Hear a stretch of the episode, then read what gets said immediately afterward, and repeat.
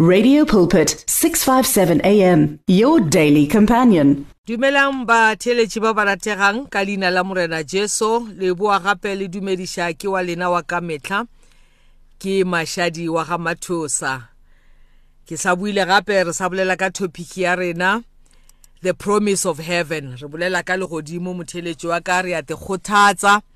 ka baka la gore go na le mathata tsela ke e tshesane ye re e sepelang ke kgopela gore pele re thomang ke re rapeleng papa ka leina la morena jesu re leboga gape go sa re file monyetla wa go tlo dula around your word to listen to you re ya go mema papa e tla o tlo re tshwara ka letsogo o re tataiše gore tlo kgona go kwiša diphiri tša legodimo re kgopela tšohle leineng le lebotse la morena jesu amen motheletši wa ka go monate Re bolela ka dilo tša go re kgothatsa, dikgang tša go re fa maatla, gore le ge lefase le sa re rate, le ge lefase le re tlhoile, rena re tie maatla, re tsebe gore there is something that they cannot take away from us. Ba ka leka go senya reputation ya gago, ba ka leka go go senyetša mošomong ba ka leka go go senyetša ka lelapeng ba ka leka go go senyetša mo gotlhe Empa there is something that they cannot take away from you, that is the glory of God that is resting upon your life. Ba ka seke be ba go tšeela le promise ya legodimo. Morena Jesu o rile, In my father's house there are many mansions, there is enough room for you. O re,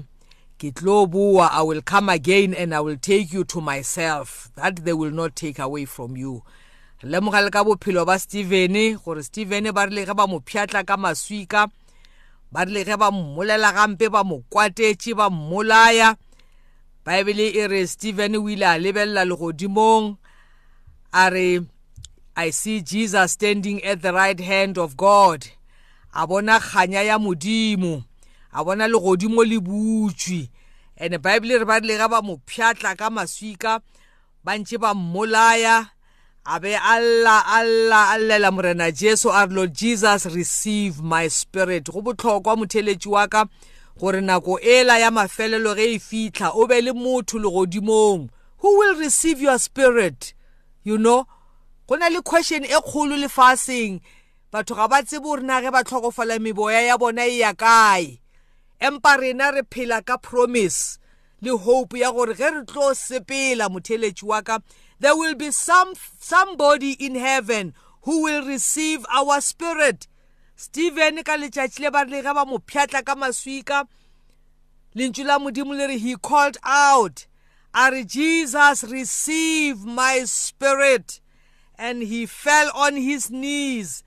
a re morena jesu ba tshwarele sebe seo se ke wa se bala against them so that is what you need motheletši wa ka to have somebody who will receive your spirit the day you sleep so ke tshepišo e re nang le yona ya legodimo lefase le go tlhoile lefase le ya go persecutor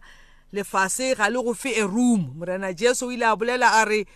le diphukubje di kaone di ya mphala gobane di na le melete mo di robalang gona empa ge e le nna ga ke na mo ke bjang tlhogo that is the same principle for us as well ga re comfortable mo lefaseng lefase le re tlhoile ka baka la gore we carry the glory of god empa lentšu la modimo le tshepiša gore there is room for us in heaven ke rata gore ke tšwele pele ko go bontšha lentšung la modimo gore modimo o re tshepiša legodimo Ke rata gore re ye re bale mo go John chapter 1 ke mo Morena Jesu a neng a amogela eh, Nathaniel lentšu la modimo le tlhalosa gore ke ile e bala go thoma mo go verse 43 bible re the next day jesus decided to go to galilee he found philip and said to him follow me now philip was from bethesda the city of andrew and peter Philip found Nathanael and said to him, We have found him who, of whom Moses in the law and also the prophets wrote, Jesus of Nazareth, the son of Joseph. So, ge tšwela pele, eh,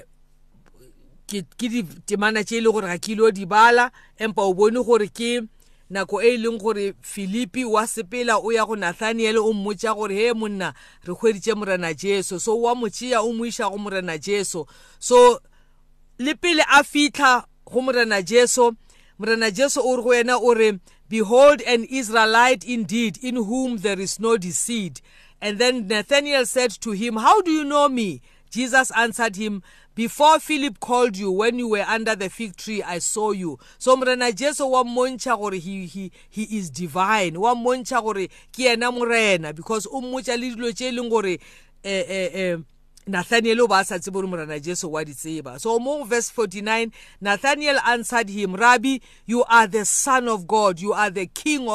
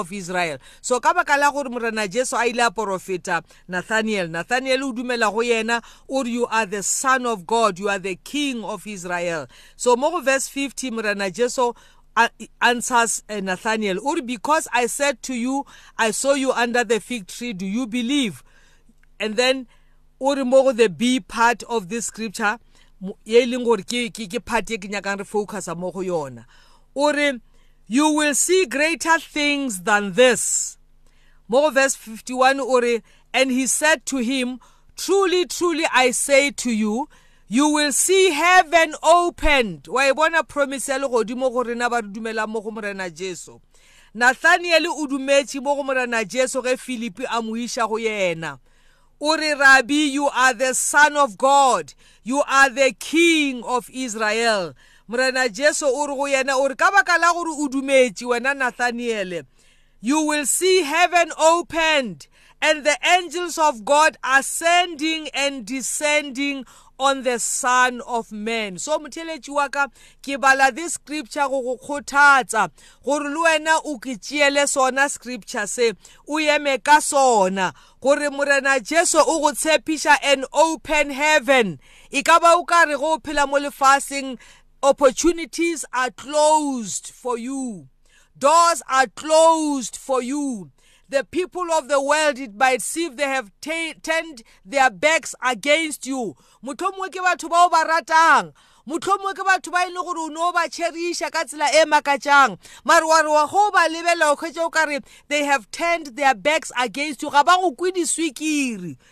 Ke rata go go kgothatsa go tšwa lentšung la Modimo. Morena Jesu o re ga a tshepiša Nathaniele, o re ka baka la gore o a dumela wena monna Nathaniele, you will see heaven opened and the angels of God ascending and descending on the Son of Man. So motheletši wa ka, don't be discouraged by people when they reject you. Don't be discouraged by the world when it rejects you. Don't be discouraged when you go through various trials and, tempt and temptations. Morena Jesu o re, you've got an open heaven above you. Re bone le ka bophelo ba Stephen. Ka yona nako ela ba neng ba mmolaya. ka nako ela ba neng ba mo atlhola ka yona stephen o re ga a tšea sefatlhogo sa gago a lebelela godimo o re i see heaven opened Wa bona motheletši wa ka how true this word is. In the book of Acts, Stephen o a e bona yona tshepišo ya morena Jesu a e fang Nathaniel ka nako e ba mmolayang ka yona ba mmontšha gore there is no place for you on earth o bona legodimo le bulegile o re I saw the son of man standing at the right hand of God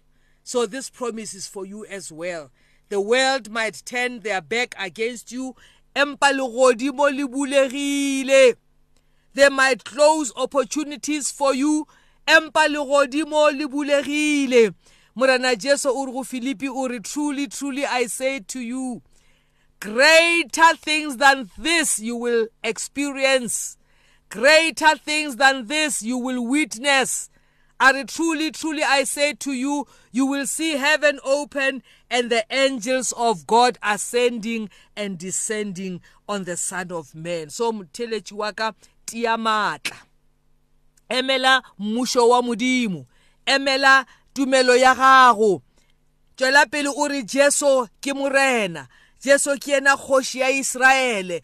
Tšwela pele o re Jesu ke yena morwa wa Modimo wa tsogileng bahung. Bible e re you are still going to see greater things in your life. You are still going to see heaven opened, the angels of God ascending and descending on the Son of Man. I'm still going to read scriptures motheletši wa ka go go bontšha gore tshepišo ya Morena Jesu e tiile and ga e fetoge in the old testament and also in the new testament banna le basadi ba neng ba tshepile modimo banna le basadi ba neng ba sepela in righteousness ba ile ba experience an open heaven above them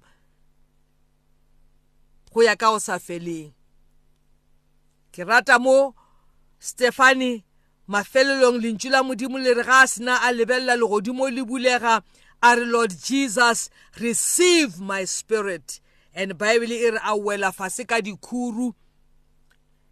a be a a robala lentšu la Modimo le re that's when he died you know so gore motheletši wa ka a se fela taba gore go sepela mo lefaseng you've got an open heaven above you only letšatši lela la mafelelo ge le fitlha ba ka moka ga rena re sa tsebe gore na le yo fitlhaneng baebele e re there will be somebody to receive your spirit go monate go tseba gore le go ka tlhoka insurance le go ka tlhoka burial society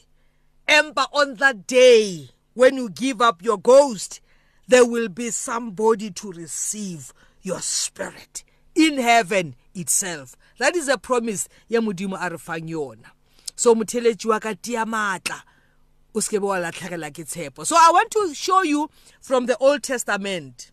gore ke nnete batho ba tshepileng modimo ba dumelang mo go modimo they live with an open heaven above their lives ke mo go genesis chapter 28 re lo bala go thoma ka verse 10 lentswe la modimo le bolela ka jakobo le re jacob left beersheba and went towards haran and he came to a certain place and stayed there that night because the sun had set Taking one of the stones of the place, he put it under his head and lay down in that place to sleep. Verse 12 And he dreamed, and behold, there was a ladder set up on the earth, and the top of it. Uh, reached to heaven And behold, the angels of God were ascending and descending on it. And behold, the Lord stood above it and said, I am the Lord, the God of Abraham, your father, and the God of Isaac. And then the scriptures carry on le tla di bala lena go fitlha mafelelong so motheletso ka ke rata go bontšha gore modimo wa rena go botlhe ba ba mo tshepileng go botlhe ba ba dumelang mo go yena he keeps an open heaven above their lives it doesn't matter your age it doesn't matter your position mo lefaseng it doesn't matter your circumstances you've got an open heaven above your life as long as you believe in the lord jesus christ and yewe ke ke se sengwe sa dilo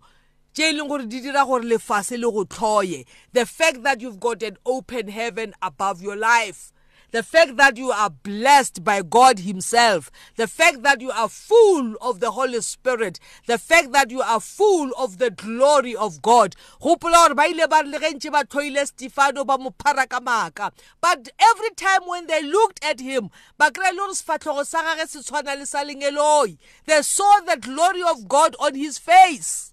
So, Mutelechuaka, that is why the world hates you. When they look at you, they, they can sense that there is an open heaven above you. They can sense and they can see the glory of the Lord on your face. Fela diamatla. Diamatla. Utsebe they cannot take that away from you even at the point where they were killing Stevens, his face was still radiating with the glory of God. They could see it, they could witness it, they couldn't deny it, they couldn't take it away from it. So Mutelechi waka be strong. It's e about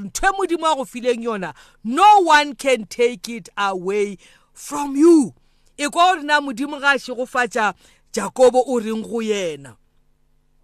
ga e sena bolela gore eh eh ke nna modimo wa gago ga sena mmona you know eh, eh, eh, a yeme mola on that ladder that was reaching up to heaven modimo o re go wena o re i am the lord the god of abraham your father you know those are things that the world cannot take away from you o re i am the lord the god of abraham your father and the god of isaac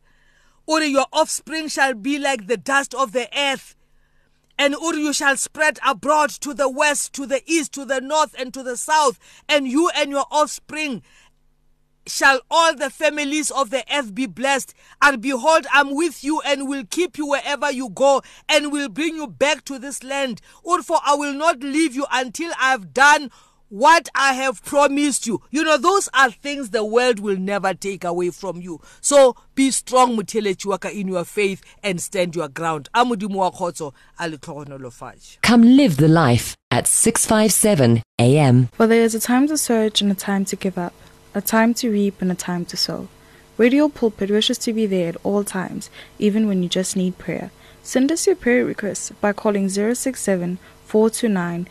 7564 or email it to prayer at radiopulpit.co.za. In today's rush world, there is limited time for yourself. Your cell phone, however, is with you all the time. So why not use it? Visit our Radio Pulpit website with your cell phone and restore your soul.